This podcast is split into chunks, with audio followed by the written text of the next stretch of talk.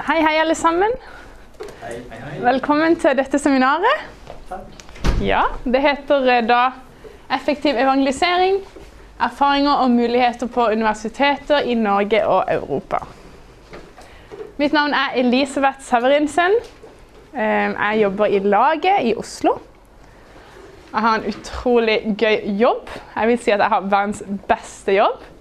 Og det er å få lov til å lede folk til Jesus, få lov til å forsyne evangeliet rundt omkring. På skoler, på studiesteder. Jeg får lov til å være med på noe vi kaller skepsisuker, som jeg kommer til å snakke litt om i dag. Um, får lov til å være med og utvikle det konseptet som heter skepsisuker. Det er et konsept som laget har. Og få lov til å være med og organisere det. Hei, hei, velkommen. Bare fylle opp stolene. Kanskje det er noen ledig der bak. Jeg har jobba i laget i nå eh, Dette er mitt andre år i denne stillinga. Og eh, jeg jobba som trainee for noen år siden. For tre år siden var jeg trainee i laget. Det er sånn ettåring, på en måte. Og da fikk jeg muligheten til å være med på den første skepsisuka i livet mitt. wow. Det var utrolig rått. Det var en så kul opplevelse. Jeg, visste ikke hva jeg kom til. Det var i Oslo, på Blindern. Men mitt inntrykk av skepsisuka det var bare fantastisk å se Oi! Det, ikke bare, det var ikke bare evangelieforkynnelse, det var ikke bare at evangeliet ble forkynt, men at evangeliet, evangeliet også ble forsvart. At det ble argumentert for gode grunner for å tro evangeliet. Sånn at når man satt i salen og hørte på, så ble jeg bare overbevist. Og jeg tenkte om jeg skulle bli kristen, om ikke jeg var kristen, så hadde jeg helt sikkert blitt kristen på hvert av de seminarene. Ja. Det var i hvert fall veldig overbevisende seminarer. Og noe av det som gjorde mest eh, inntrykk på meg når jeg var på Blindern, det var hun som var hovedtaler. Det var ei jente på 22 år med en bachelorgrad på Blindern. Hun var ingen teolog, hun var ingen professor, hun var ikke noen forfatter. Ei helt enkel, liten, søt jente. Ok da, ikke, det skjønner jeg mener, ikke liten jente, nå er jeg 22, men ja, sånn søt jente på 22 år. Hun hadde en evne til å formidle, en evne til å argumentere. Og hun bare strålte godhet og strålte Jesus. Jeg husker jeg satt i det auditoriet og bare tenkte wow. Vi og hun var like gamle på den tida. Og jeg tenkte tenk om jeg kunne gjøre noe, så, gjøre det hun gjør. Tenk om jeg kunne fått muligheten til å stå i en sånn type jobb og formidle evangeliet uten å ha en doktorgrad. Uten å være kanskje forfatter. Til og med som kvinne. Få muligheten til det, det hadde vært en, en drøm, tenkte jeg. Et år senere fikk jeg muligheten til å reise til England og være med på det samme programmet som hun var med på. Jeg skal fortelle litt om det. Ja, Før jeg går videre, så kan jeg si at dette seminaret er kanskje litt annerledes enn de andre. Jeg kommer til å dele mye fra mine erfaringer med hva jeg mener jeg, eller hva jeg opplever er effektiv evangelisering. Jeg kommer til å dele litt fra England når jeg, det året jeg bodde der, og så kommer jeg til å dele litt om skepsisuker, bl.a. i Norge. Så eh, bare sitt og len dere tilbake og bare lytt til erfaringene til en ikke jeg skulle si en gammel dame, men uh, visdom, liksom. Litt, litt, litt, kanskje litt visdom. Noen få Ja, jeg er jo ikke gammel, men jeg har noen år med erfaring, iallfall. OK. Moet. Det står for Michaelots Evangelism Trust. Michaelot er han med den grå T-skjorta. Han er en evangelist i England. Ganske anerkjent evangelist. Han reiser rundt og forkynner evangeliet. Han reiser rundt og er veldig ofte hovedtaleren på skepsisuker. Han har en utrolig god evne til å eh, forkynne evangeliet, men også forsvare evangeliet. Og eh, til å svare på vanskelige spørsmål. Han var bl.a. en av hovedtalerne på skepsisuka på Cambridge University i fjor. Som er verdens beste universitet, eller andre, det andre beste universitetet i verden. Der var han hovedtaler. Så da kan du se hvilket nivå han ligger på. Men han har en bachelorgrad i teologi. Og han er også en inspirasjon for meg. Um, og dette året handla om å bli trent til å kunne forkynne på universitet. Det handla om å bli trent i apologetikk, altså til å lære å forsvare tråder. Lære å takle de vanskelige spørsmålene i møte med studenter. Det var veldig veldig gøy Og Dette var for to år siden. Fra 2014 til 2015. Det som, meg, det som har fått meg til å bli interessert i apologetikk Jeg har lenge vært interessert i evangelisering. Jeg var jeg gikk på en sånn misjonerende bibelskole når jeg var 19 eller 20. Og vi var ganske radikale. vi var ute på gatene og bar for syke og ja, litt sånn i den kategorien, hvis du setter meg i en kategori. Men jeg har også alltid vært veldig interessert i trosforsvar, fordi jeg tvilte masse på Gud når jeg var 16-17 år. Alle mine venner var ateister. Jeg hadde ingen kristne venner rundt meg. Og jeg var den eneste kristne i min gjeng. Og jeg ble utrolig utfordra, og en periode hvor jeg bare sleit masse med å tro på Gud. Jeg hadde, en, jeg hadde hatt en følelsesopplevelse av Gud, men jeg visste ikke at det fantes svar på disse spørsmålene. Jeg hadde masse spørsmål. De typiske innvendingene folk har mot kristen tro, det var også en del av de jeg hadde. Men jeg fant ikke noe svar. Jeg visste ikke hvem jeg skulle spørre. Jeg visste ikke hvor jeg skulle gå. Så hva gjorde jeg? Jeg holdt det for meg sjøl. Jeg turte ikke å spørre noen om mine spørsmål. Jeg tror den tvilsperioden kunne blitt veldig korta ned dersom jeg hadde hatt noen jeg kunne snakka med. Dersom jeg hadde vært med på en skepsisuke. Dersom, vær så god. dersom jeg hadde bare hatt en arena hvor jeg kunne snakka med noen. Hvor jeg kunne stilt mine spørsmål.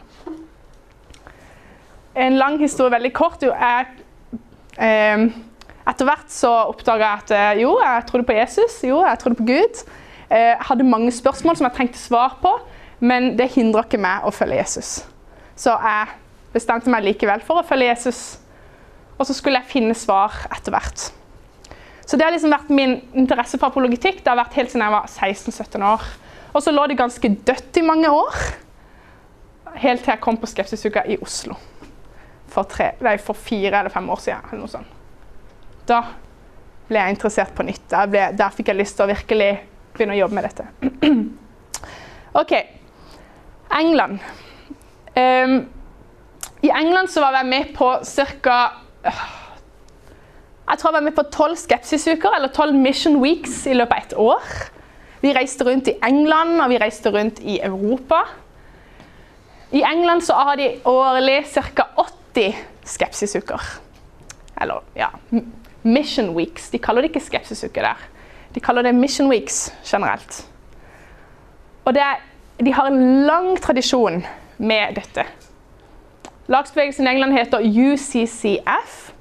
Og den er, den er, skikkelig stor og veldig sånn eh, Ja, de har en lang tradisjon, da. De har holdt på jeg vet ikke hvor mange år, men veldig lenge. Det er en veldig sterk bevegelse. Og de, er, de, har masse erfaring med å forsyne evangeliet til studenter og med å arrangere sånne uker som det. Det er der vi har henta inspirasjon for å starte skepsisuker i Norge. Og det er der mange av landene i Europa har henta inspirasjon for å forkynne evangeliet på universitetene og ja, offentlig. da. Det er der det kommer fra. Jeg vil bare fortelle om én spesifikk eh, Mission Week. Jeg var i en by som heter Nottingham. Og der har de en, eh, et lag. For de som ikke vet det, så er det altså en, en lokal eh, gruppe av kristne på, en, på et studiested. Et, et, lag, da, sånn som det er i Norge. Jeg regner med de fleste vet hva laget er. Jeg håper det. Hvis ikke, så blir jeg veldig såra i mitt hjerte. Da må dere virkelig finne ut av hva laget er for noe. Er, okay, hvis det er noen som ikke vet hva laget er, så er det altså en kristen eh, organisasjon. Kristen student, skole- og studentorganisasjon som vi har en visjon. Vi vil gjøre Jesus kjent på skoler og studiesteder. Så han blir trodd, elska og etterfulgt. Det er vår vakre visjon. OK, Nottingham Mission Week. Eh, Nottingham har et lag som har ca. eh, 200 studenter som er med. Og de har arrangert Mission Weeks i mange år. Av de 200 så er det ca. rundt i hvert fall 100 studenter som engasjerer seg. Kanskje 150. Det er en, en greie, liksom. Alle blir med. Alle er med på Skepsisukene eller Mission Week når det først arrangeres.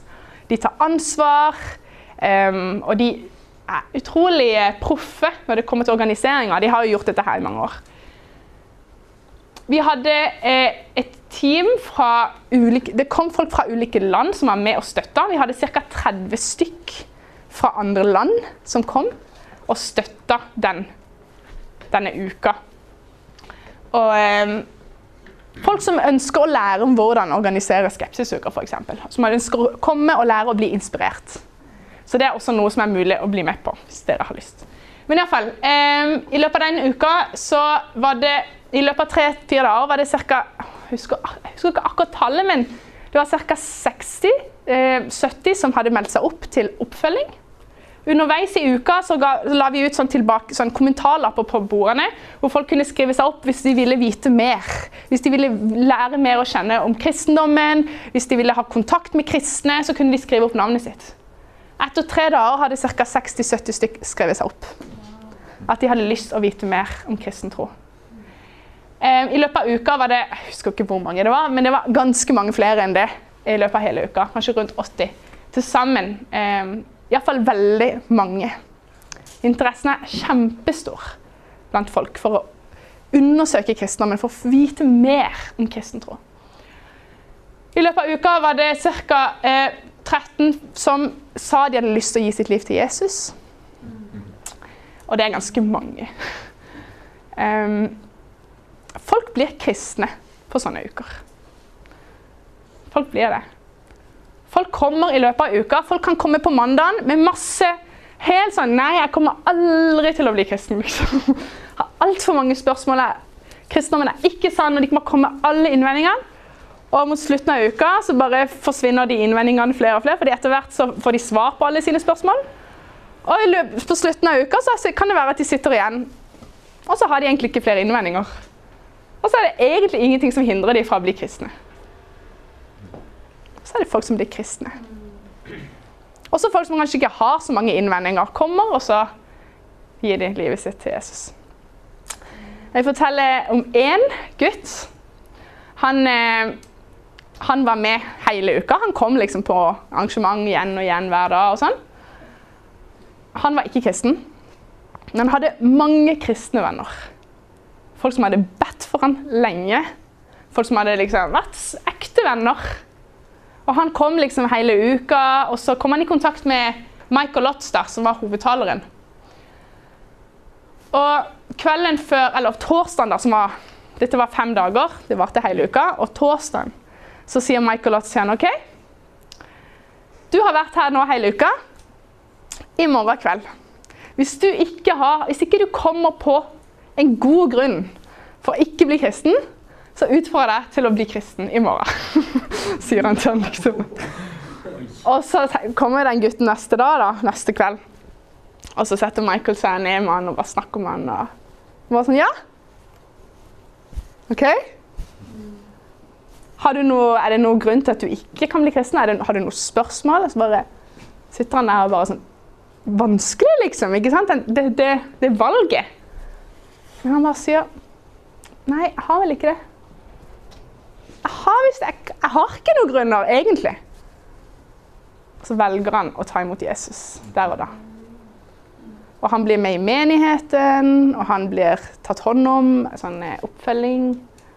Og vennene hans sine Bare tenk deg den gleden. Alle de som har vært hans sine venner, kristne. Som bare har bedt for han, som kanskje ikke har sett at han har blitt kristen, men bare har vært en ekte venn. Som nå får lov til å ta han med på møtene, og han er blitt kristen. Mm. Eh, vi var også mye rundt omkring i Europa. Og et sted vi var, var Praha i Tsjekkia. Der arrangerte de en sånn Mission Week for første gang. Og det er en veldig veldig liten lagsbevegelse der. Det er to stykk som er ansatt. Du har generalsekretæren og så en, en, sånn assistent. da. Det er liksom de. som er ansatt i landet. Veldig, veldig få. Um, og så har de en del frivillige. De har en del studenter som er med i gruppa i um, Praha. Men veldig lite arbeid, da. Som dere sikkert vet også, mange av dere vet, så er Tsjekkia et veldig eh, sekularisert land. Det er et eh, postkommunistisk land og veldig få kristne. Så hadde vi da Mission Week. Og eh, ikke sant? generalsekretæren er ganske sånn ydmyke folk og har ikke så høye tanker om seg sjøl. Så de tenkte ok, vi må tenke på oppfølging. Ja, la oss reservere et rom, da. La oss tenke ja, maks syv stykk som kommer til å ville vite mer om kristen tro. Så ja, vi booker et rom. Så de booka et rom for oppfølging da, altså etter at Mission Week var ferdig. Så skulle de ha oppfølging med maks syv, fordi folk kom jo ikke til å være interessert i kristen tro. Nei. I løpet av uka så var det ca. 60 stykk som hadde skrevet seg opp av studenter. Som hadde lyst å vite mer, og som ville ha oppfølging. De ville være med på bibelstudiet. Så det var en veldig stor overraskelse. Ja. Veldig, veldig kult. Mm.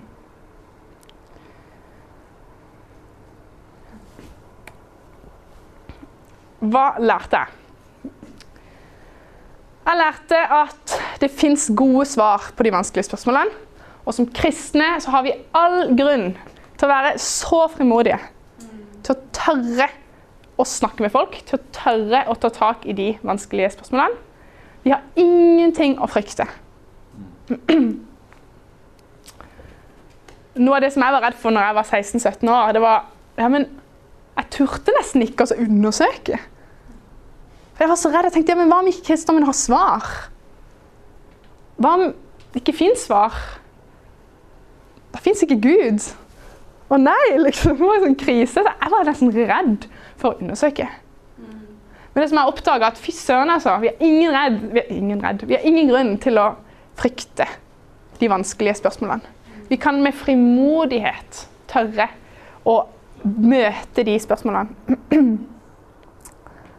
Og det har også gitt meg eh, frimodighet til å tørre å være taler på skepsisuker.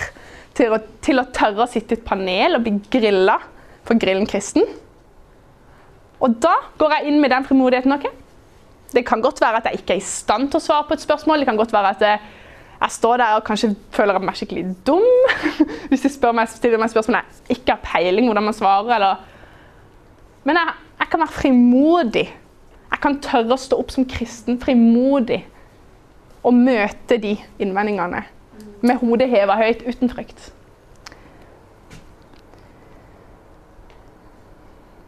En ting til som ja, To ting til som jeg lærte. Det er viktigheten av å faktisk forsyne evangeliet. Det er ikke nok å bare argumentere og bare forsvare, tror jeg. Folk trenger å høre evangeliet bli forkynt. Troen kommer av å høre, står det i ordet. Å høre Guds ord blir forsynt. Vi må forsyne evangeliet. Og Det var noe jeg lærte der i England, liksom blant eh, mission weeksene de organiserer. Så er det utrolig fokus på det. OK, jo, vi skal argumentere så mye som trengs. Vi skal bruke apologetikken for alt den er verdt. Men vi skal forsyne evangeliet. Og vi skal gi folk muligheten til å ta imot Jesus hvis de vil. Skal, vi skal skape en arena hvor folk kan bli kristne om de har lyst. Hvor vi gir folk den muligheten til det. Og den siste tingen som jeg lærte, som betydde mye for meg, det, det var fokuset de hadde på Bibelen, faktisk. Det er utrolig kult at til og med på Mission Weeks eh, På kveldsmøtene så hadde de tekster fra Bibelen som de forsynte fra. På universitetene. De brukte Bibelen. Det var den de talte ut ifra. Det var ikke bare ut ifra et tema, men det var Bibelen. Masse fokus på bibelstudier, fokus på å studere Bibelen på egen hånd. Bibelen er sånn veldig satt utrolig høyt i England. Og det inspirerte meg. Or, vi må tilbake til det enkle, faktisk. Vi må, til, vi må tilbake til Bibelen som kristne. Hvis vi vil se at kristendommen vokser i Norge, Hvis vi har lyst til å se at, at kristendommen sprer seg ut, så må vi faktisk gå tilbake til Bibelen. Det er grunnleggende hvis vi vil se eh, at ting forandrer seg.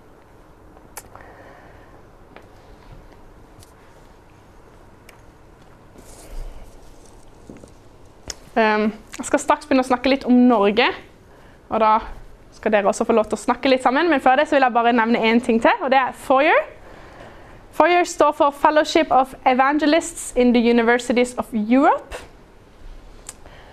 Det er et nettverk av eh, kristne evangelister.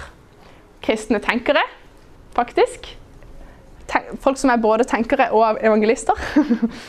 Eh, og det er et nettverk som ble starta for en del år siden, ikke helt sikker hvor lenge, av en mann som heter Lindsey Brown.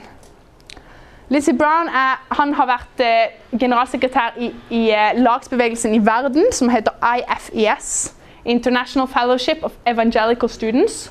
Som er liksom den, det er liksom sånn en paraplyorganisasjon for alle lagsbevegelsene i verden.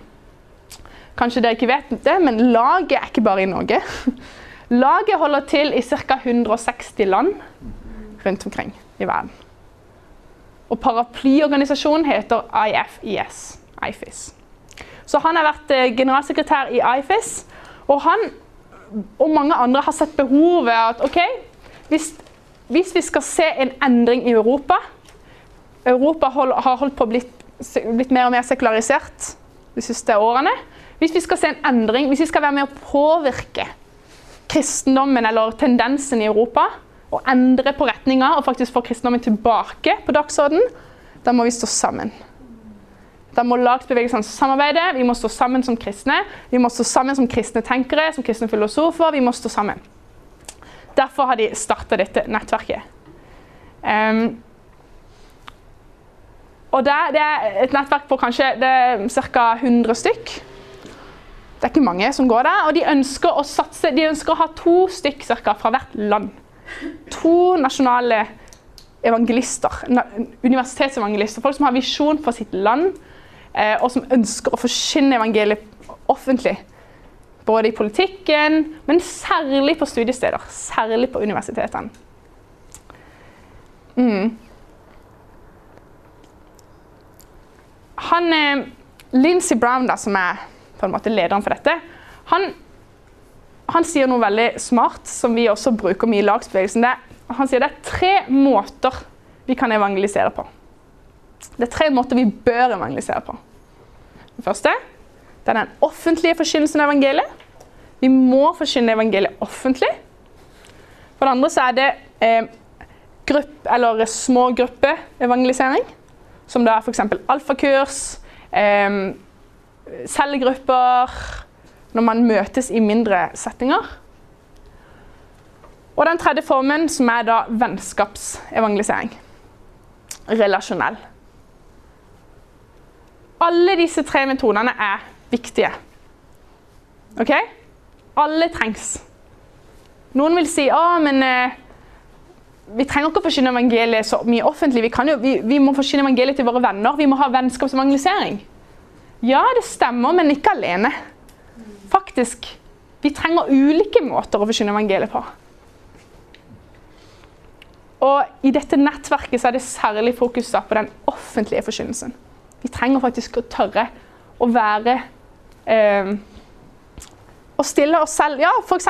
på de stedene der hvor det er vanskeligst å forsyne evangeliet. F.eks. på studiestedene, på universitetene. Mm.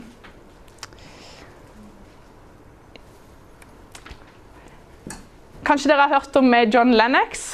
Sikkert en del. Han er matematiker på universitetet i Oxford i England. Og han har debattert mye eh, kjente ateister i verden.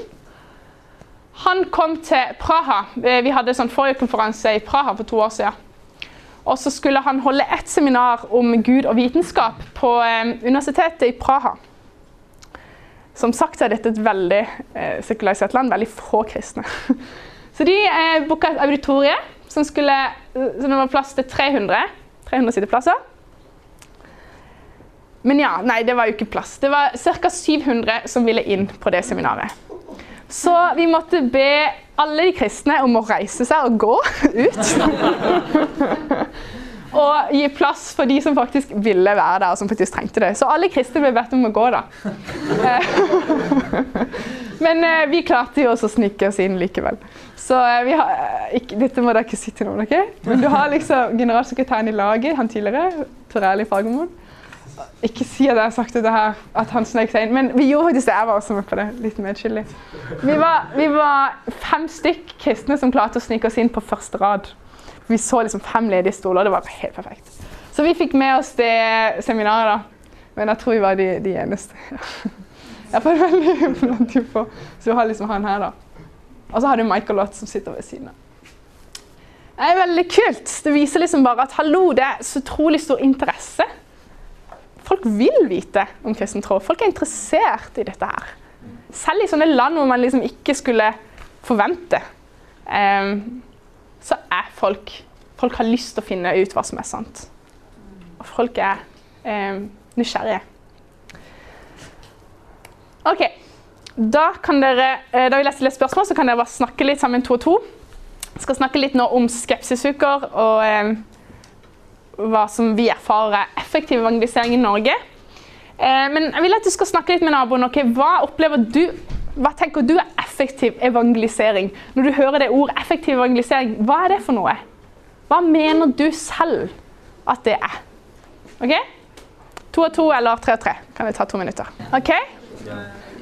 Kan jeg få litt, eh, litt feedback, litt kommentarer? Hva dere snakker om? Ja. Når jeg hører effektiv evangelisering, så tenker jeg hvordan nå hjertene til flest. da. Hvordan, Mhm. eh, hvordan, hvordan noen mennesker som, som lurer på dette her, og som, og som ønsker å, å finne ut av det, hvordan vi kan, vi kan nå de da, både, Ja. både sånn i eh, Intellektuelt. Både intellektuelle og eh, at det treffer de i, i hjertet. da. Mm, Veldig bra. Takk. Ja. Eh, Vi snakket om å møte mennesker, eh, ha samtaler med folk. F.eks. på skoler og studiesteder så kan man være åpen om sin tro da, om, Mm. som kristen. Og, og selv så blogger jeg, da. Så jeg har liksom en egen blogg hvor jeg skriver om troen min. Veldig sånn hverdagslig.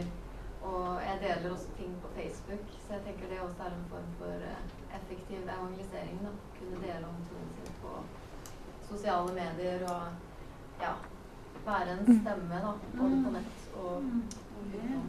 Kjempebra. Takk. Ja. Vi snakka litt om at eh, eh, man har jo åtte bygde murer, ikke sant. Eh, og hvis, altså, har man bygd muren, og hvis man kommer og sier at ah, Gud elsker deg, så er det vanskelig for folk å Ok, ok, greit. Hvis man heller kan bruke det av politikk eller altså, forsvare eller argumentere for troen, eller hvorfor det kan finnes i Gud først, da, og så komme med evangeliet etterpå, så er det en måte man kan effektivt reagerer. Mm. Veldig bra. Eh, ja, vi kom med en slags definisjon. Eh, eh, ikke nødvendigvis en konkret metode, men eh, at det er veldig lett å tenke at når folk er kristne, så er liksom evangeliseringsbiten over. Men vi må huske det at Jesus faktisk kalte oss til det, og at fått til å ha sine disipler. Mm. Så kanskje når man først når man kommer til det punktet at folk har interesse av å ivareta sin egen tro, at man sjøl eh, er interessert i å lese Bibelen, og man sjøl på en måte er ja, oppsøker kristent fellesskap, da kan man si at man har oppnådd målet med mobiliseringa Mm. eh, som sådan. Så betyr ikke det at man bare skal la personen gå Mm. videre på veien sjøl, men at man må være bevisst på det. da. Ja. At man slutter ikke bare med en gang å- Veldig bra. Ja, siste. Altså Mm. ganske kort en, eh, det å møte folk der de er, Mm. så tror jeg også er veldig viktig. Mm. Veldig bra. Kan jeg si en Mm. Um, jeg tror at eh, Gud har gitt oss det ultimate verktøykassa for evangelisering, og det er talsmannen. da. Mm. Uh, og vi må ikke glemme Den hellige ånd og alt han kan hjelpe oss med. Mm. Altså Han kan komme med kunnskapsord som er rett inn i personens liv. Han kan, han kan helbrede personen. og Det er liksom det er så utrolig mange nøkler her som vi har fått, da, som vi ikke må miste oppi alt det intellektuelle. Veldig bra poeng. Tusen takk for det. Jeg syns det er veldig interessant det du sier. Eh, for det kan være at man faller litt i en grøft. Jeg har selv opplevd det litt. At man liksom enten går inn i den der intellektuelle grøfta at liksom, okay, vi skal argumentere alt. Og alt skal forstås her, og hele evangeliet skal forstås her intellektuelt. Men det er mange som bare trenger et møte her, faktisk. Det er ikke alle som trenger og vi blir overbevist intellektuelt. Det er mange som bare trenger å møte Guds kjærlighet. Eh, og som bare trenger å få et møte med Guds nåde. Mange som går rundt med skam, skyld og skam, som egentlig bare trenger noen som sier du du er faktisk elska av Gud. Um, noen som trenger bare bli berørt av Guds kjærlighet uh, ja, gjennom Den hellige ånd. Så jeg tror det er viktig at når vi snakker om effektiv evangelisering, så er det ikke én måte som er effektiv, tror jeg. Jeg tror det er sammen. Liksom, vi bruker de redskapene vi har fått. Evangeliet i sentrum. Men så bruker vi apologetikken. Vi trenger det. Det er et redskap. Og så har vi fått Den hellige ånd, som skal hjelpe oss i, i, i vår svakhet. Så tusen takk for det. Mm. Jeg tror at skepsisuker er en effektiv måte å evangelisere på. Jeg tror ikke det er den eneste måten. Som sagt, Vi trenger å forsyne evangeliet til våre venner. Vi trenger å være ekte venner for folk som ikke er kristne. Vi trenger å være ekte. Okay? Vi trenger å være gode mennesker mot andre. Folk må kunne se i våre liv at eh, ja, også med måten vi lever på, at Gud er sann. Ikke bare med våre ord, men også livet vårt må kunne vitne om, om at uh, Gud er sann. Eh, og så trenger vi tror jeg, cellegrupper, f.eks. Kunne invitere naboene våre, kunne invitere vennene våre med på en bibelgruppe. Det tror jeg også er kjempeviktig. Men skepsisuker den tror jeg også er utrolig viktig. Eh, ikke skepsisuker bare, men det å ha den tilnærminga til evangelisering som er mer offentlig forkynnelse. Ok, skal snakke litt om det nå. Hva er en skepsisuke? Og For en del av dere så blir dette repetisjon, men uh, ja, bare hold ut. En skepsisuke er da en uke for ca. tre til fem dager. Som vi arrangerer, og som lagene arrangerer rundt omkring på skoler og studiesteder. Det er en uke som består av seminarer, debatter, kanskje. Um, vi har spørreundersøkelser. Um, vi har uh, diskusjoner rundt tro.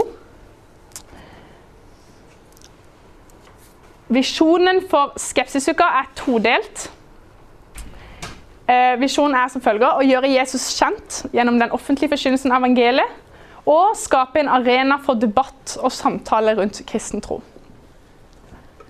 Skepsisuka hviler på to eh, skal si, Vi har to hovedhensikter med Skepsisuka. Den ene er at vi skal gjøre han kjent gjennom å forkynne evangeliet. Og for det andre så skal vi skape en arena for debatt og samtale rundt tro. Det skal være begge deler. Ikke, vi skal ikke bare forkynne evangeliet. Det, er ikke bare eh, 'Jesus elsker deg, nå må du tro på Jesus'. Eh, vi skal møte folk der de er, sånn som noen sa borti hjørnet. Der hvor de er, på disse arenaer, med disse spørsmål, med disse innvendinger. Og vi skal ta dem på alvor. Vi skal ta folks spørsmål på alvor. Vi skal ta folks innvendinger på alvor. Og vi skal gi rom for at folk kan diskutere, for at folk kan komme eh, sånn som de er. Vi skal se litt på den første delen først. Sånn, å gjøre Jesus kjent. Eh, vi vil at alle skal høre evangeliet om Jesus. At alle skal få muligheten som jeg sa i sted, til å gjøre noe med det. Ikke bare høre evangeliet, men at de skal ha muligheten til å svare, til å respondere. Og kunne ta imot Jesus hvis de ønsker det. Og ettersom evangel evangelisering er så viktig for oss i laget, så er evangelisering veldig sentralt. Så tenker vi da må vi gjøre det på en gjennomtenkt måte. Vi må gjøre det på en måte som folk som, Der folk opplever at det er ja, en måte som appellerer til folk. Vi pleier da å si i laget at vår evangelisering skal være inviterende og ikke invaderende. Det vil si at vi inviterer folk til å komme. Vi inviterer folk til å stille spørsmål. Vi inviterer folk eh, til å være uenige med oss. Og vi invaderer de ikke. Det vil si, vi skal ikke komme og pøse evangeliet på dem imot de sin vilje. Vi skal ikke fortelle dem alt de ikke vet, eller alt de allerede har hørt. Vi inviterer dem til å lytte til oss hvis de vil. Vi inviterer dem til å komme på våre arrangement. Derfor er f.eks. spørreundersøkelser kjempeviktig. En god måte for oss å komme i kontakt med folk. Fordi hva er det vi gjør når vi har en spørreundersøkelse? Vi stiller spørsmål til folk. Vi inviterer de til å si hva de tenker. Det er ikke at nå skal vi fortelle deg alt du trenger å vite, men vi vil vite hva du tenker. Vi vil vite hva, hva er ditt verdensbilde. Hvorfor tenker du som du tenker? Vi skal vise interesse i mennesker. Vi skal vise at vi virkelig har lyst å bli kjent med folk, med mennesker. Så vi skal eh, forkynne evangeliet. Og hvordan man gjør det, det er, hva skal jeg si, veldig, det er ikke én måte å gjøre det på. Eh, det er mange måter man kan gjøre det på. Men det er iallfall eh, hovedhensikten. Og så skal vi også skape en arena for debatt og samtale rundt henne. Det vi ønsker å gjøre, er vi ønsker å både utfordre, men også oppmuntre student til å stille spørsmål til sitt eget verdensbilde. Og til å etterprøve sine egne synspunkter og finne ut hva er det egentlig som er sant. Vi vil utfordre folk til å søke sannhet. Vi vil utfordre folk og invitere folk til å komme med alle sine innvendinger og spørsmål. Spørsmålet er velkommen. Eh, ja. Derfor er apologetikk veldig viktig. Trosforsvar. For vi viser at vi tar folks spørsmål på alvor. Vi tar folk på alvor. Vi vet at vi bor i et land eh, hvor veldig mange, og hvor ja, kanskje, kanskje ikke de fleste, men veldig mange har veldig mange innvendinger mot kristen tro. Feil oppfatninger av hvem Gud er. Alle, ingen av oss har et 100% rett gudsbilde. Men veldig mange har et veldig feil gudsbilde. Og vi ønsker da å bruke trosforsvar, apologetikk, for å rette opp misforståelser folk har. For å fjerne innvendinger folk har mot kristen tro. Og hjelpe folk å få et rett bilde av hva kristendommen handler om. Ja. Jeg tenker i alle fall det når det gjelder med, med, med disse her feilbildene av Gud. Så tenker jeg Mhm. at selvfølgelig alle her inne har et forskjellig bilde av Gud. Alle ser forskjellig, men mm. det som jeg tror vi har til felles, er at vi er så klar over at Gud elsker oss. Mm. Og, og hva det vil si, den kjærligheten som han har, han har gitt oss. Og det, det er det mange som, ikke, som vi sliter med, Mm. som ikke forstår. Ja. Og selvfølgelig, hvorfor, hvorfor Grunnen til at, jeg- jeg er kristne, er, er jo av den, eh, den kjærligheten som Gud har, har vist for oss. da. Mm. Det er det å få folk til å forstå, folk til å forstå hvilken kjærlighet han har for dem. Mm. Det er kanskje det viktigste med, med, med det, det gudsbildet vi har. er Mm. At vi ser at det er, det er en Gud som, som virkelig elsker oss av hele sitt hjerte. Mm. Ja. Veldig bra. Tusen takk for det. Mm. Em, noen, I stedet når vi snakket om effektiv evangelisering, så nevnte guttene bak at, eh, at vi må bruke trosforsvar fordi folk, mange folk er ikke klare for å høre evangeliet. Og det er helt sant. Det er mange som ikke er klare for å høre at eh, de trenger tilgivelse for sine synder. Eh, de er ikke klare for å høre at Jesus døde for dem. For de tror ikke på Gud engang. Og jeg tror at en skepsisuke er en fantastisk mulighet til å appellere til de, men også appellere til de som er klare til å høre evangeliet. Fordi husk at alle er jo forskjellige. Noen er veldig, liksom, veldig skeptiske og liksom tror ikke Gud fins og bare helt sånn imot, mens andre er på vei og er mye mer åpne og kanskje har allerede tenkt jo, Gud må nok finnes, men å, jeg forstår ikke dette her, og jeg lurer på hvis Gud finnes, hvorfor ditt og datt? og Ikke sant? Så i løpet av en skepsisuke har vi lyst til å appellere til alle. Vi vil ikke, ikke bare appellere til den intellektuelle, til den som er ateist. Vi vil også eh, appellere til den agnostikeren, og til den som stiller spørsmål. Til den som er ganske nær til å bli kristen. Vi har lyst til å nå alle de. Og Derfor bruker vi ulike metoder. Vi bruker både spørreundersøkelser for å kunne snakke med folk, komme i gode samtaler. Vi har evangelistiske foredrag. Um, hvem er Jesus? Liksom. Vi snakker om Gud og vitenskap og viser at det går faktisk an å tro på Gud og samtidig tro på vitenskap. Ikke sant? Vi har liksom ulike tilnærminger for å kunne appellere til ulike typer mennesker. Da.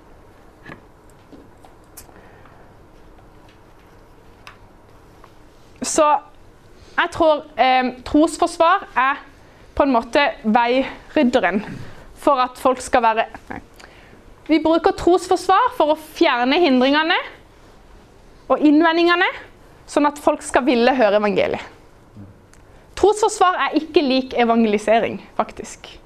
Evangelisering handler om Jesus, om evangeliet. Det er der ordet evangelisering kommer fra. evangeliet. Men evangelisering og trosforsvar de går hånd i hånd. Trosforsvar er på en måte Tenk deg litt sånn som døperen Johannes, hvis dere kjenner til historien, og Jesus. Døperen Johannes kom først, ikke sant? og han bante veien for at når Jesus kom, så var alt klart. Han gjorde veien klar for Jesus. Tror det er litt sånn Jeg tror så evangeliet at tros og sa liksom lett den derre OK, nå gjør vi veien klar for at folk skal ville høre. Så den rydder veien for innvendinger. Derfor tror vi skepsisuker er en effektiv måte å nå mennesker.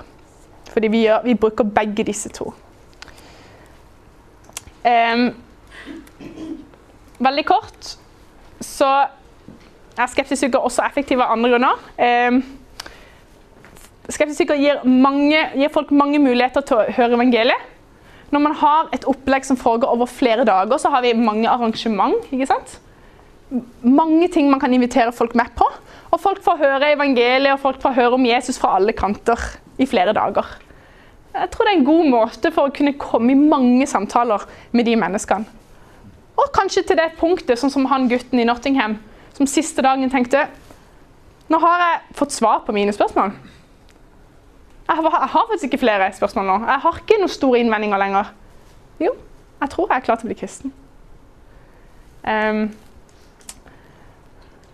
jeg kan også nevne ei, ei jente i uh, uh, Skal vi se Jeg tror jeg har eh, Nei, jeg kan bare Ei jente i Oslo, på Skeptisuka i Oslo i vår. Hun kom på et av arrangementene våre og eh, var veldig sånn spørrende, da. Stilte masse spørsmål. Hun kom ned til hovedtaleren, det var ikke meg som talte, det var noen andre. Så, avgjorde, så bestemte hun seg for å møtes neste dag for å ta en kaffe. Og da ble jeg invitert med. Det var gøy. Så jeg satt der med hun jenta og han, og så begynte vi å snakke med henne. Hun, I begynnelsen av samtalen så var hun liksom sånn Å, jeg vet ikke om jeg, jeg klarer liksom ikke å tro på Gud fordi det åh, Mine foreldre mine er ateister, og jeg er veldig rasjonell. og Jeg klarer liksom ikke å forstå eller tro at Gud fins med min hjerne. Samtidig så må det jo finnes noe, fordi ellers Big Bang kan ikke ha oppstått av ingenting. Og åh, det må ha vært noe som har liksom satt i gang Big Bang, da. liksom.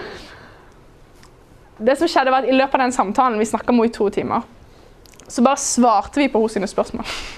Vi liksom var bare tilgjengelig for henne for å liksom svare på alt mulig som hun lurte på.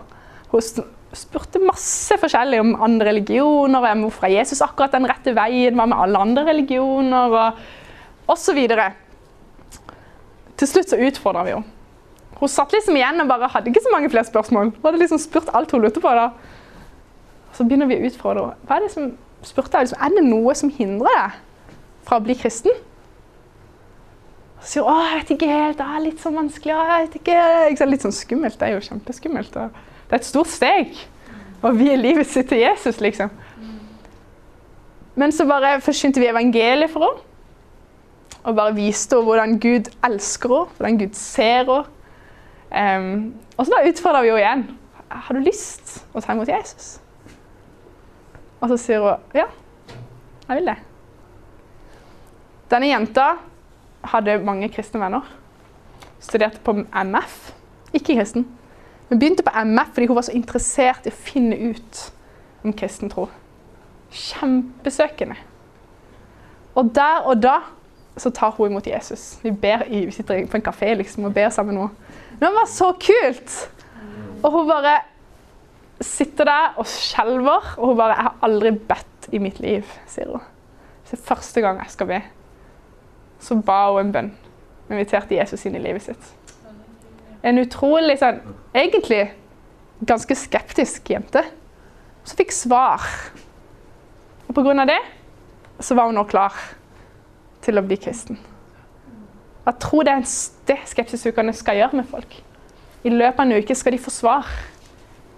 Få retta opp misforståelsene, sånn at de blir klare for å ta imot Jesus. Selvfølgelig, Det er ikke alle som blir kristne. Vi har også opplevd mange som er Det er få folk som faktisk blir kristne på sånne uker. Det er iallfall erfaringer med det så langt, og særlig i Norge. Også i England. Det, Man kan si at 13 er veldig mange. Det er jo mange. Men jeg har jo hørt om liksom, i Afrika så er det jo liksom 10 000 som blir kristne på ett møte. Eller uh, i Sør-Amerika så er det liksom ikke sant, tusenvis som blir kristne på ett møte. Så man kan liksom ikke helt sammenligne da. Men for Gud så er hver eneste person, hver eneste sjel umistelig. Like verdifull. Om én person blir frelst, om én person blir kristen, det er fantastisk. Kjempebra om bare én. Um, jeg tror at folk blir, folk, lov, folk blir kjent med Jesus når de hører evangeliet, når de får muligheten til å respondere, og når de har fått svar som de trenger. Så hvis vi tør å være liksom Ja, forkynne evangeliet. Eh, tør. Da tror jeg flere kommer til å bli kristne, faktisk. Mm. Jeg har opplevd at mange ja, som ikke blir kristne, kanskje, men som eh, kommer mye nærmere troa. Um, jeg skal fortelle bare kort fra Volda. Vi hadde, jeg var med på Skepsisuka i Volda med han som sitter i hjørnet der borte. Og jeg husker vi, var, De hadde et arrangement som heter Grillen kristen. Som er et arrangement hvor man, eh, det er tre eller to kristne som sitter i et panel, og så kan forsamlinga bare komme og grille med spørsmål de har til kristen tro. Alt mulig. Og det var helt stappfullt i det rommet. Det var på en kafé. da. Det var masse folk som kom. Veldig populært arrangement. Og så kom jeg i kontakt med ei jente rett etter arrangementet. Satt meg ned med henne og bare begynte å prate med henne. Og så spurte jeg liksom, fortell meg, hva, hva tenker du om kristen tro og, og sånne ting. Så sier hun først liksom bare sånn helt sånn sinna. Hun bare åh, jeg, jeg liker ikke kristne, sier hun. Sånn sur. sånn bare. Nei, fordi de er så dømmende, liksom. Og de bare trykker ned alle andre. og ja, og godtakke folk sånn som de er. og Særlig homofile. Hvordan de tenker om homofile. og ja, Veldig sånn Det humøret, liksom. Men så viste det seg at det var en grunn til at hun tenkte det hun tenkte. Hun Fortalte meg hvordan eh, hun hadde noen i familien sin som var homofil. Og som hadde blitt utrolig dårlig behandla av kristne. Så hun hadde fått helt avsmak for kristne pga. det. Det er jo kjempeforståelig, ikke sant? Så bare satt vi og prata, og i løpet av samtalen så bare fikk hun liksom jeg bare så hvordan ansiktsuttrykket helt endra seg. Fra å være sånn sinna til å bli helt sånn, sånn glad og og samtalen utvikla seg. da. Jeg møtte henne igjen neste dag, og vi snakka sammen på nytt. Og da hadde samtalen gått fra å være skikkelig sånn, ja, kristne, frekke og sånn, til å liksom til å begynne å lure på hvordan er det egentlig man kan bli kristen, liksom? Hvordan er det, man kan liksom... også snakke om eh, Hva er egentlig greia med, med hva du sa for noe, liksom, jødene og Hvorfor kan ikke de Snakke snakka liksom om hvordan å bli frelst. da. Hvordan er det man kan bli frelst, liksom? Hva tenkte den utviklinga fra en dag før til nå? Det var, nå, det var liksom spørsmålene hun stilte nå. Hvordan kan man bli frelst? Fra dagen før hvor ja, jeg har hatt kristne så dumme i og trykker ned alle homofile. Så hun ble ikke kristen. Um, men jeg tror hun kom nærmere.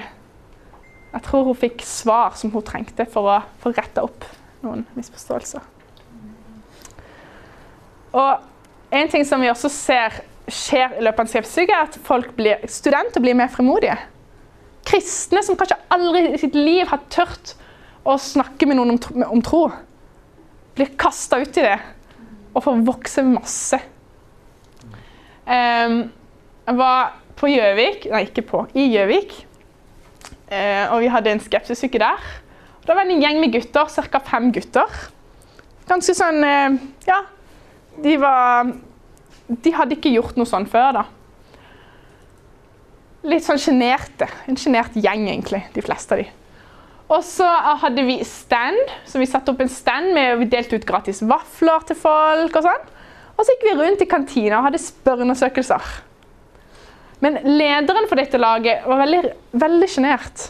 Han hadde aldri vært med på noe sånt. Men jeg tok han med meg. da. Kom an, nå skal vi ta spørreundersøkelser. Og så eh, Først var det jo mest meg som prata, og liksom bare satt, ned, satt oss ned i kantina med ukjente og bare begynte å prate. Og spurte de om vi kunne stille spørsmål. Og han satt der bare og liksom hjalp meg, da. Bare skrev var svarene. Men etter hvert var det han som begynte å gå rundt alene. Og sånn, kan jeg stille noen spørsmål? Åh! Så begynte jeg liksom å gå rundt og bare prate med folk alene.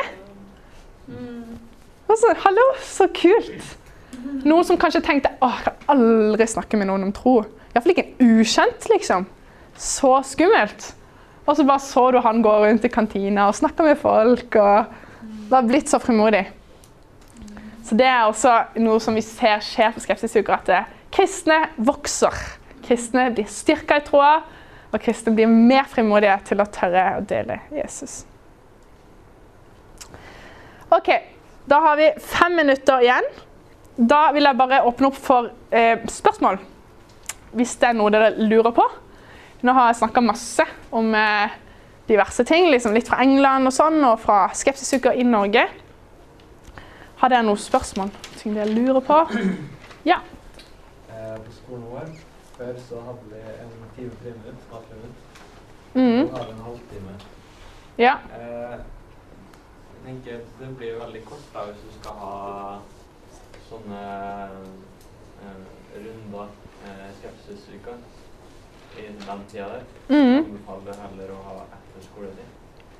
Ja, takk for spørsmålet. Em, det, jeg vil si at det ser litt annerledes ut på videregående enn det gjør på eh, et universitet pga. tida, eh, høyskole. Em, det går an å, å ha et seminar som varer et kvarter, og så ha at du har et, et arrangement som varer til sammen 25 minutter. Det er ganske begrensa tid. Jeg vet at de har fått det til et annet sted i Volda. Da har de fått det til med en halvtime pause. Så det er mulig. Men der har de hatt, der har de, for i Volda så har de veksla mellom både at de har arrangement i midttimen, i pausen, men også etter skoletid. Ikke sant? At dere har hatt det rett etter skolen. Eh, Nei, vi har hatt på kveldstid. Ah, ja, ikke etter skolen. Ikke rett etter skolen. Nei. Det var vanskeligere å få folk på kveldsarrangement Mm. på dagtid. Når Ja. de er på skolen. Men det kan Ja. sikkert variere litt. Mm. Vi kan snakke mer om det. Ja. Jeg tenker Vi på, eh, på eh, Kristiansand katedralskole Gimle, Ja. skolen vår, vi hadde det på eh, Var det ikke onsdagen Svein, vi hadde debatten? Jo. Fordi onsdagen så slutta alle tidlig. Eh, og da sa vi at rett etter eh, skoleslutt så, har vi, så hadde vi debatt, og så hadde vi eh, pizza i tillegg, så da trakk vi litt folk. Så Mm. da, da ble det jo, da ble det jo stappfullt auditorium. Det var vel eh, Oi. over 200. Hvis du vet hvor mange som var Ja på, eh, på den debatten. da. Så det, og, da og da hadde vi jo tid også til at folk Mm. kunne ta den praten etterpå også, så det, Mm. det funka veldig bra. egentlig. Kult. Ja, rett etter skoletid. Ja, ja vær så god. Eh, litt eh, sånn om offentlig organisering, medlemskapsorganisering. Mm. Jeg lurer på litt hvordan du vil gå fram for når man møter nye folk, så er det på en måte veldig greit å bare si noe liksom fra starten av. Mm. Ha det som et tema fra starten av. Da blir det mye lettere å ha samtaler. Men hvis man har noen man har vært venn med lenge, Mm. og tror aldri har vært noen man har pratet om, hvordan Mm. vil du da åpne opp den, det samtaleemnet? Mm, godt spørsmål. Veldig godt spørsmål. Hvordan, jeg har jo også sånne venner som jeg har venn- vært venn med i mange år. Liksom. Jeg tror det er veldig viktig å be. Be Gud om eh, muligheter til å kunne snakke med dem. At Gud skal vekke opp en nysgjerrighet i dem. Um, det går også an å bare spørre dem, f.eks. hva de tror. Ikke sant? Selv om det må være naturlig. Jeg tror det er viktig at, at i møte med våre venner så må vi være oss sjøl. Vi kan ikke presse på noe som er rart eller unaturlig. ikke sant? Så det å, å tørre å være oss sjøl, men tørre å kanskje stille spørsmål til dem. Eksempel, hva tenker du? Tro? Eller har du noen gang bedt til Gud? Eller hva tror du skjer når du dør? Eller hva ehm, Liksom ehm, For eksempel, har du noen gang bedt til Gud? Ikke sant? Det kommer til å røpe mye. Hvis en person sier 'jeg har aldri bedt til Gud', eller 'jo, når jeg har det vanskelig'. Det kan være en inngang, da. Så jeg tror det, man skal ikke liksom bare be Gud om visdom og muligheter til å, hvordan eh, at, liksom at Gud kan skape den nysgjerrigheten i folk. Eh, men også tørre å komme inn på de samtaleemnene på en naturlig måte når det Ja. Sorry, det blir veldig kortfattet svar. Eh, mm. En liten kommentar? Ja, kommentar. Takk. Eh, jeg har også veldig mange ikke-kristne venner, da. Eh, så jeg tenker den beste måten er jo sånn Jeg har aldri lyst til, til å komme direkte presset med noe, med noe, med noe, eh, noe Eller prøve å liksom presse på, på de kristne tro. Da må det være de som kommer mot meg. Men, men det som er ofte for det, for det første så ønsker man å være en så god venn som mulig. Mm. Eh, det er jo eh, punkt nummer én. Eh, og, og be for de også syns jeg også en viktig ting. Men og det andre er at bare sånn når muligheten, når muligheten eh, tilbyr seg spør spørsmål hva tenker du om, om dette her. Det kan være om, om hva som helst, egentlig, men sånn at du får en litt sånn eh, følelse for, for, for åssen verdensbildet ditt sitter. Mm. For det, det er veldig viktig for å, for å kunne ta den praten med de vite hva er det Hvorfor tror de det de tror? Mm. Um, fordi jeg tror det var en forfatter, så, Scott Beck, som skriver om psykologi, som sier at 'everybody has a religion'. Fordi alle har på en måte dette her verdensbildet, da. Mm. Hvordan verden henger sammen. Og det å, å finne ut hva og etter hvert spørre Spør de tanker om hva de tenker, ta de tenker om, om universet, hvis du kommer inn på det temaet. Men, Mm. men så lenge det, det får bli naturlig, da. Så du må være, du må være, du må være veldig eh, være veldig, veldig slu, egentlig. Mm. eh, Nesten. For å, fordi du, Ja. du har ikke lyst til å være, du har ikke lyst til å være påtrengende på noen måte. Men, men prøve å faktisk bare tørre å, å, Ja. å stille de spørsmål om de tingene, sånn at du får Mm. en litt følelse for Og også, når du stiller de spørsmål, så, så er det jo så ofte at, at du kan få de tilbake, da. At du Mm. får noen spørsmål tilbake. Eh, Mm. Så, så det, det jeg ønsker å få til, er jo at de spør eh, meg spørsmål også. Ja. Så det resultatet at jeg spør de om ting, Mm. At de viser, at siden jeg viser interesse for det, det de tenker og det de tror, Ja. at de også etter hvert ønsker å vise interesse eller Ja, riktig. er interessert i det, det jeg tenker. Ja. Or, jeg kom på ett sitat. Vi må avslutte nå. Eh, men eh, et sitat eh, som noen sa Jeg må tenke meg for å formulere det. Eh, ja. People won't believe Nei. Eh, people don't care what you believe until they believe that you care. Okay? People won't care about what you believe until they believe that you care. Så jeg tror det er noe med det når vi viser at vi er ekte venner, eh, at vi bryr oss faktisk oppriktig om våre venner, om de som er rundt oss, så kommer de etter hvert til å bli nysgjerrige. Og de kommer til å være mye mer åpne for å ville prate med oss om dypere ting. Fordi vi viser at vi er mennesker som de kan stole på, og ja, at vi bryr oss om dem. Mm. Tusen takk for meg. Eh, ha en god dag videre. Eh, ja, kos deg.